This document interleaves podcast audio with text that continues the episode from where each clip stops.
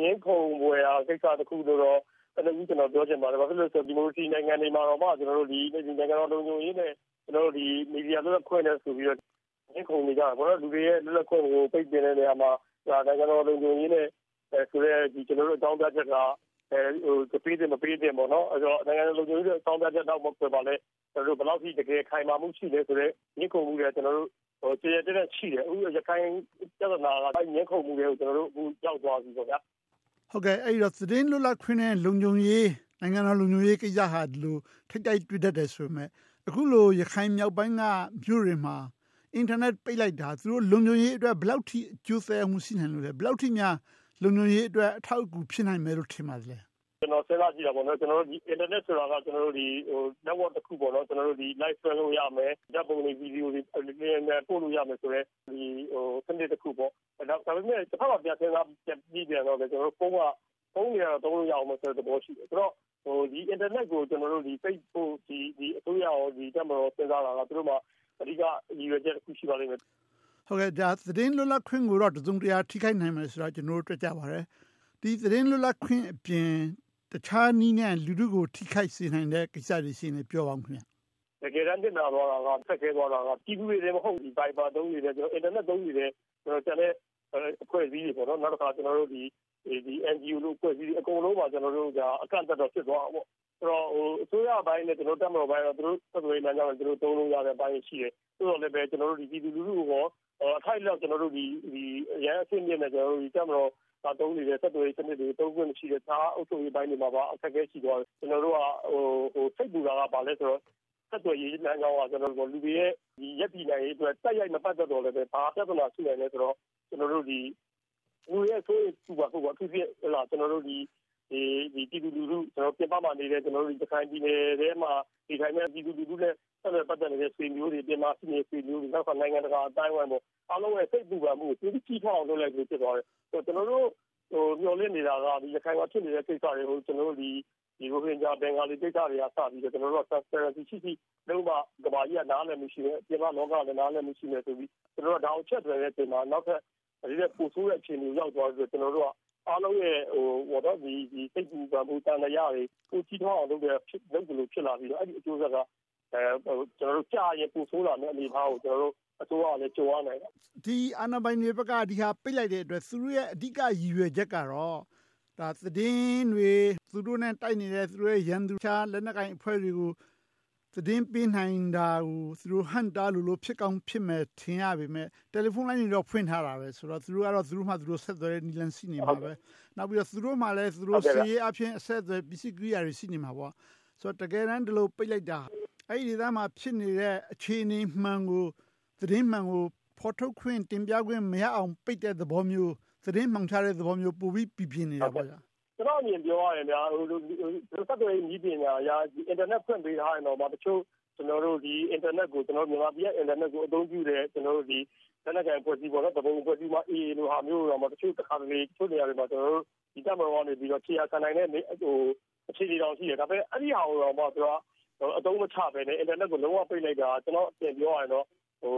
ဒီလူလူတွေကပဲဖြစ်ဖြစ်ပေါ့နော်ကျွန်တော်တို့ဒီလို live ဖွင့်တာမျိုးတွေဒီ control လုပ်လို့မရနိုင်တဲ့ဒီဓာတ်ပုံမျိုးတွေရုပ်ပြရပေါ့နော်ကျွန်တော်တို့ဒီလက်ဖက်အဖွဲ့အစည်းတွေပေါ့နော်ကျွန်တော်တို့ဒီဒီကြတဲ့ကျွန်တော်တို့ဒီဟိုရိုဟင်ဂျာကိစ္စမှာတော့ဆိုလို့ရှိလို့ကျွန်တော်ရဲတဲ့ပွဲဝင်နေရိုက်တဲ့ကျွန်တော်ဗီဒီယိုကလစ်တွေထွက်လာတာရှိတာပေါ့ဆိုတော့ဟိုအကယ်၍ control လုပ်ပြီးဆိုလို့ရှိလို့ရှိရင်ဒါဒီဒီကမ္ဘာအစိုးရအောင်စိတ်ဘူးဆိုရင်လည်း ကျွန်တော်တို့ဒီရုပ်ပုံကားချက်တွေအတန်တွေအဲ့လိုလေကူကူပြတ်ပြတ်သွားနိုင်တယ်အဲ့ဒီထားကိုကြီးရွယ်ပုံပုံရတယ်ပေါ့နော်ဆိုတော့တည်င်းကိုပိတ်ဖို့ကြတော့ဆိုတော့တယ်လီဖုန်းကလည်းဖွင့်ထားတယ်ဆိုတော့ဟိုကျွန်တော်အမြင်ပြောရရင်ခေတ်ကအရန်ကျတက်လာတယ် Facebook ကိုဟာမျိုးရှိတဲ့အခါကျတော့ Facebook ကနေပြီးတော့ကျွန်တော်တို့ကလေးမြန်နေကြလာဆို live ဆက်ရိုက်ဆက်လို့ရတာရှိတယ်ဆိုတော့ဒီဘက်ကဒီဒီဒီဒါထဲမှာရှိရကျွန်တော်တို့လူတွေကဗီဒီယိုကိုရက်ကိုဟိုဖိတိရအောင်သုံးချနိုင်တယ်ဒီအထူးသဖြင့်ဗီဒီယို streaming တော့အဲ့ဒါတွေအရန်ကောင်းတဲ့အတွက်ကြောင့်မလို့ အဲ့ဒီဟာတွေတော့ဖြစ်ပေါ်လာမယ့် အကျိုးဆက်ကို သူအဓိက တားခြင်းတယ်လို့ ထင်တယ် အဓိကကတော့ သူကဒီလို internet ပိတ်လိုက်တဲ့အတွက်ကြောင့်စီးရေးမှလည်း သူတို့ဘက်က အရေးသာစရာ အကြောင်းတော့ မရှိဘူး သို့တော်လည်းပဲ သူတို့နဲ့ ဖြစ်နေတဲ့ကိစ္စမှာ အဲ့မှာ လူခွင့်ရေး ချိုးဖောက်တာတွေ သူတို့ မမြင်စေခြင်းနဲ့ မြင်ကွင်းတွေကို လုဖို့သာရွယ်တယ်ဆိုတော့ တကယ်တော့ကောင်းတဲ့ အကျိုးသက်ရောက်မှု ဥပမာဖြင့်ငင်းငင်းအတွက် အလားအလာ ဖြစ်စေမယ်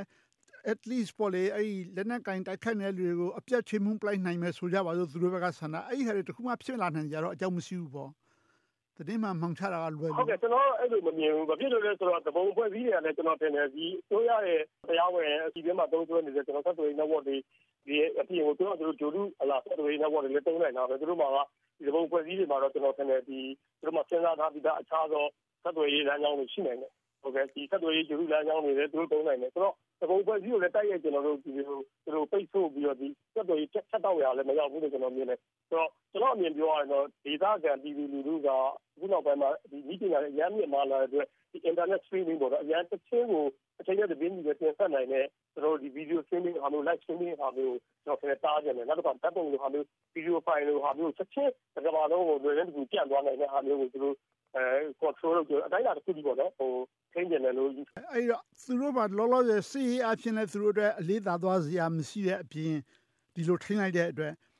ဘာဖြစ်လာလဲဆိုတော့ ဒေသခံပြည်သူတွေထောက်ခံမှုလည်း သူတို့ ပိုဆုံးရှုံးမှာပေါ့ တကယ်တော့ စစ်ဆိုတာ လူလူထောက်ခံမှုကလည်း အရေးကြီးလို့ ထင်ပါတယ် ထိုနည်းတူစွာပဲ နိုင်ငံတကာရဲ့ ထောက်ခံမှုကလည်း သူတို့ ဆုံးရှုံးတယ် နိုင်ငံတကာလည်း ဝေဖန်နေကြတယ် ဒါတွေကို မြန်မာအာဏာပိုင်တွေ မတွက်ကြလေသလားဆိုပြီးတော့ ကျွန်တော် စဉ်းစားမိတယ်ဗျာဟုတ်ကဲ့ဗျကျွန်တော်တို့လည်းအဲ့လိုပေါ့နော်အင်တာနက်ကိုကျွန်တော်တို့ပိတ်လိုက်တဲ့အတွက်ကြောင့်မလို့ ပြောစရာပဲ ဖြစ်သွားတယ်ကျွန်တော်ဒီလက် ဟိုဟိုအဓိကစစ်စစ်ရေးမှာလည်းဟိုကိုယ့်ဘက်ကနေပြီးတော့အားသာချက်ကြီးတစ်ခုဖြစ်မသွားတဲ့အပြင်ပိတ်လိုက်တဲ့အတွက်ကြောင့်မလို့ပိတ်ပြီးတစ်ခုခုများလို့တော့မလားဆိုရဲဟိုဆိုရင်ပူပန်မှုတွေပေါ့နော်တခြားကျွန်တော်တို့စောင့်ကြည့်နေတဲ့နိုင်ငံတကာဖွဲ့စည်းရေးလားဒီပါဒီနိုင်ငံဒီမိတ်ဆွေနိုင်ငံတွေကျွန်တော်တို့ဒီဒီဒီချက်ချင်းဒီဖွဲ့လို့ဟာမျိုးတွေပြိပက္ခမှာဝင်ပူဖို့အဲဘယ်နေရာမှာတော့ကူရမလဲဆိုပြီးတော့ကျွန်တော်တို့သတင်းကိုစောင့်လာနေတဲ့ပုံပုံများတွေဟုတ်လားအဖွဲ့အစည်းတွေအားလုံးကအစိတ်ဆိုးရပူပန်မှုဖြစ်သွားတော့တို့လို့တို့တော့ကြောင့်မလို့အဲ့လိုဖြစ်သွားတဲ့အတွက်ကြောင့်မလို့ဘာမှမဖြစ်ရသေးဘူး ကျွန်တော်တို့အစိုးရပုံမှာတက်မလို့ပုံမှာရောအဲ့တော့အားလုံးကသမျိုးတွေမြင်လာကြတာပေါ့ဒီလိုလုပ်လိုက်တာလောလောဆယ်တော့သူတို့ဘက်မှာတော့ဟိုကျွန်တော်တို့ဒီစစ်ပြေမှာဘယ်လောက်အားကောင်းသွားတယ်လို့မသိဘူး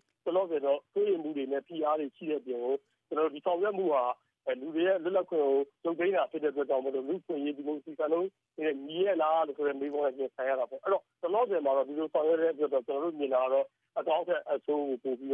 ပေးနေတယ်လို့မြင်ပါတယ်ဗျဟုတ်ကဲ့ဆိုတော့နောက်တစ်ခုအခုဒီလောက်ရပြီးရင်သူကမီဒီယာတွေပဲများလှည့်လာနိုင်သလားသူတို့ကဒီဟာတွေကိုမပေါ်စေခြင်းလို့သူတို့ကရင်းမြစ်ကိုလိုက်ပြီးပိတ်ဖို့ကြိုးပမ်းတယ်ဒါပေမဲ့မီဒီယာသမားဆိုတာတော့လိုက်ရှာပြီးတော့ သတင်းလုပ်ကြမှာပဲဆိုတော့နောက်တစ်ဆင့်နောက်တစ်ဆင့်သူတို့ရဲ့ target ကမီဒီယာကိုများပြမထားလာနိုင်သလားဒါတွေမလုပ်ရဘူးဒီခါလုပ်တဲ့အတွက်ဖန်နေစီရဆိုမီဒီယာလုံးဝခွင့်ရတော့လေကျွန်တော်တို့နားလည်တာကလောလောဆယ်ချီပီတာဥပဒေအရအောင်ကျွန်တော်တို့မှာထုတ်ပြန်ခွင့်ရှိတယ်။အဲဒီနောက်ကျွန်တော်တို့မှာဟလာဥပဒေအကာအကွယ်နဲ့ဟိုဟိုရေးယူမှုကနေပြီးတော့ကျွန်တော်တို့လွတ်လပ်ခွင့်အတိုင်းအတာတစ်ခုဒီပေါ့နော်ဟိုဟိုကျွန်တော်တို့လုံးဝကြီး complete ပြီးလုံးဝကြီးရာနှုန်းပြည့်တော့မဟုတ်ဘူးတော်တော်လည်းကျွန်တော်တို့မှာလုံးလို့တော့ရတယ်။ဒါတော့သက်သာလာပါလဲဆိုတော့ ဒီလိုသတင်းတွေကိုထုတ်ပြန်တဲ့အတွက်ကြောင့်မလို့သူ့ကိုများအဲဟိုဒီချိန်မှာပေါ့နော်အခုဒီလိုထုတ်ပြန်တဲ့သတင်းကြောင့်မဟုတ်ဘဲနဲ့တခြားကိစ္စတစ်ခုနဲ့များပြဿနာရှိလာနိုင်လားကိုအမျိုးသေးထားမှပူရမှုတွေကတော့ရှိတယ်ဗျ။ဘာဖြစ်လို့လဲဆိုတော့ဒါကလည်းဟိုကိုတစ်ချက်လေးမှားသွားရင်တို့တစ်ချက်လေးဥပဒေနဲ့ပြီးသွားတာလည်းကျွန်တော်တို့တရားစွဲခံရတဲ့ကိစ္စမျိုးတွေကအခုတောက်လျှောက်ဖြစ်နေတယ်။ဆိုတော့အဲ့လိုဟာမျိုးတွေကတို့တော့တို့တော့ပေါ့နော်။အဲ့လိုတော့ဟိုမီဒီယာသမားတွေပေါ်မှာဘယ်လိုဖိအားရှိလဲဆိုတော့ကျွန်တော်တို့ဒီလိုမျိုး ညနေတိုင်းပြပခါတွေကိုအထူးသဖြင့်တိုင်းသားတွေနဲ့ဖြစ်တဲ့ပြပခါတွေမှာကျွန်တော်တို့သတင်းပို့သတင်းတင်ဆက်တဲ့အခါမှာပေါ့နော်ကျွန်တော်တို့ကဟိုအရေးကြီးကြည့်ရတယ်ကိုယ်အန်လည်းလည်းကိုကြည့်ရတယ် self censorship ပေါ့နော်ကိုကိုကိုပြန်ပြီးကြည့်ပြရတဲ့အနေအထားတွေတော့ရောက်လာတော့အမှန်နဲ့ကဒီဒီဒီမှာစိတ်ဆိုင်တဲ့မီဒီယာကပူဆိုးတာပေါ့နော်တကယ်တော့ပြပခါပြင်းပြင်းထန်လာတယ်ဒီကြသမားတွေလည်းပို့တော့တာလည်းခက်ခဲလာတယ်အရန်ကိုအကဲဆက်လာတယ်အရန်ကိုအန်နေပြီးလာတယ်ဆိုတဲ့အနေအထားကိုအဲဥတည်နေပါဗျဟုတ်ကဲ့ မြန်မာနိုင်ငံရဲ့ နိုင်ငံရေးကို ပြည်ပကလူတွေ သုံးသပ်လိုက်ရင် စစ်တပ်နဲ့ NLD အစိုးရကြားမှာ သဘောထားကွဲလွဲမှုတွေ အများကြီး ရှိနေလို့ သုံးသပ်ကြပါတယ်။ဒါပေမဲ့လည်းအခုလို သတင်းမှန်ဖော်ထုတ်ခွင့် မီဒီယာ လွတ်လပ်ခွင့်ကို ပိတ်ပင်လိုတဲ့နေရာမှာ စစ်တပ်နဲ့ အရသာအစိုးရတို့ဟာသဘောရဲဖြစ်နေတယ် သဘောထား ညီညွတ်နေကြတယ်လို့ဆိုရင် မှန်ပါသလားဟုတ်ဆိုအဲ့ဒါကတော့ ကျွန်တော်အမြင် ပြောရရင် အခုလို internet ကိစ္စကိုကျွန်တော်တို့ပြောမယ်ဆိုရင်တော့ဟို နှစ်ပိုင်းရှိတယ်အရင်ကကျွန်တော် NLD ဆိုရနဲ့ပတ်သက်လို့ကျွန်တော်အမြင်ပြောရရင် NLD ဆိုရရဲ့သဘောထားလို့ကျွန်တော်အနေနဲ့အဲဒီခေါင်းပြီးယူဆရတာပေါ့နော်ကျွန်တော်သုံးသက်ဖြစ်ပြတဲ့နေဖြစ်ဖြစ်တဲ့တွေကိုသုံးသက်ပြီးတော့ကျွန်တော်အဲနားလည်လိုက်တာကဘာလဲဆိုတော့ကျွန်တော်တို့တိုင်းပြည်ကမလွတ်လပ်သေးဘူးသူတို့လည်းပြောပါတယ်မလွတ်လပ်သေးဘူးဥပဒေတွေမပြင်နိုင်သေးဘူးအဲ့တော့ဥပဒေတွေမပြင်နိုင်သေးတဲ့ကျွန်တော်အဲ့လိုကျွန်တော်တို့ဒီအဲ writer ဖြစ်သွားတယ်ကျွန်တော်တို့ဒီဒီဘက်နိုင်ငံတော်တို့ဘက်ကျွန်တော်တို့အက်ဥပဒေလိုဟာမျိုးပေါ့မပြင်နိုင်သေးဘူးမပြင်နိုင်သေးတဲ့အချိန်မှာမီဒီယာတွေနဲ့သွားမီဒီယာများအနေနဲ့သွားမကြည့်ရင်ကောင်းမယ်ကြည့်ရင်တော့ကိုဖြစ်ကိုခံဆိုတဲ့သဘောမျိုးကျွန်တော်ဒီရက်သားဆိုရရက်တည်နေတယ်ကျွန်တော်နားလည်တယ်ဒါကတစ်ပိုင်းပေါ့ဆိုအခုအင်တာနက်ပိတ်တဲ့ကိစ္စမျိုးကြတော့ကျွန်တော်ဘယ်လိုနားလည်ထားလဲဆိုတော့တက်မတော်အနေနဲ့စစ်စစ်လုပ်တဲ့အခါမှာအခုနောက်ပိုင်းသူကသူ့ကြီးပဲမဟုတ်ဘဲနဲ့ကျွန်တော်တို့ဒီဟိုဟိုအားလုံးလည်းကြားမှာပါကျွန်တော်တို့ဒီနိုင်ငံတော်တိုင်းနိုင်ငံကဘယ်လိုညွှန်ကြားတယ်ဆိုတဲ့ဟာမျိုးတွေလည်းပြောလာတဲ့ခါကျတော့ကျွန်တော်အစိုးရကိုတိုင်မြင်ပြီးတော့အစိုးရကိုချပြပြီးတော့မှလုပ်တာမျိုးတွေရှိလာတယ်ဆိုတော့ ကျွန်တော်အမြင်ပြောရရင်တော့ဒီတက်မတော်အနေနဲ့ဒီစစ်စင်ရေးကိစ္စတွေမှာသူကကျွမ်းနားတဲ့ကိစ္စတွေဖြစ်တဲ့အတွက်ကြောင့်မလို့ဒီအရသာအစိုးရကိုသူကပိုင်ပိုင်နိုင်နိုင်ရှင်းပြပြီးတော့မှဒီအရသာအစိုးရကိုပါသူကဒီပုံစံတက်တွေမှာပေါအောင်ဆွဲခေါ်လာတဲ့ပုံစံရှိတယ်အဲ့ဒီအဲ့မှာလည်းတပါးလေးဖြစ်တယ်လို့အများယူဆကြဖြစ်လာတဲ့အနေအထားဖြစ်ပါတယ်ဗျ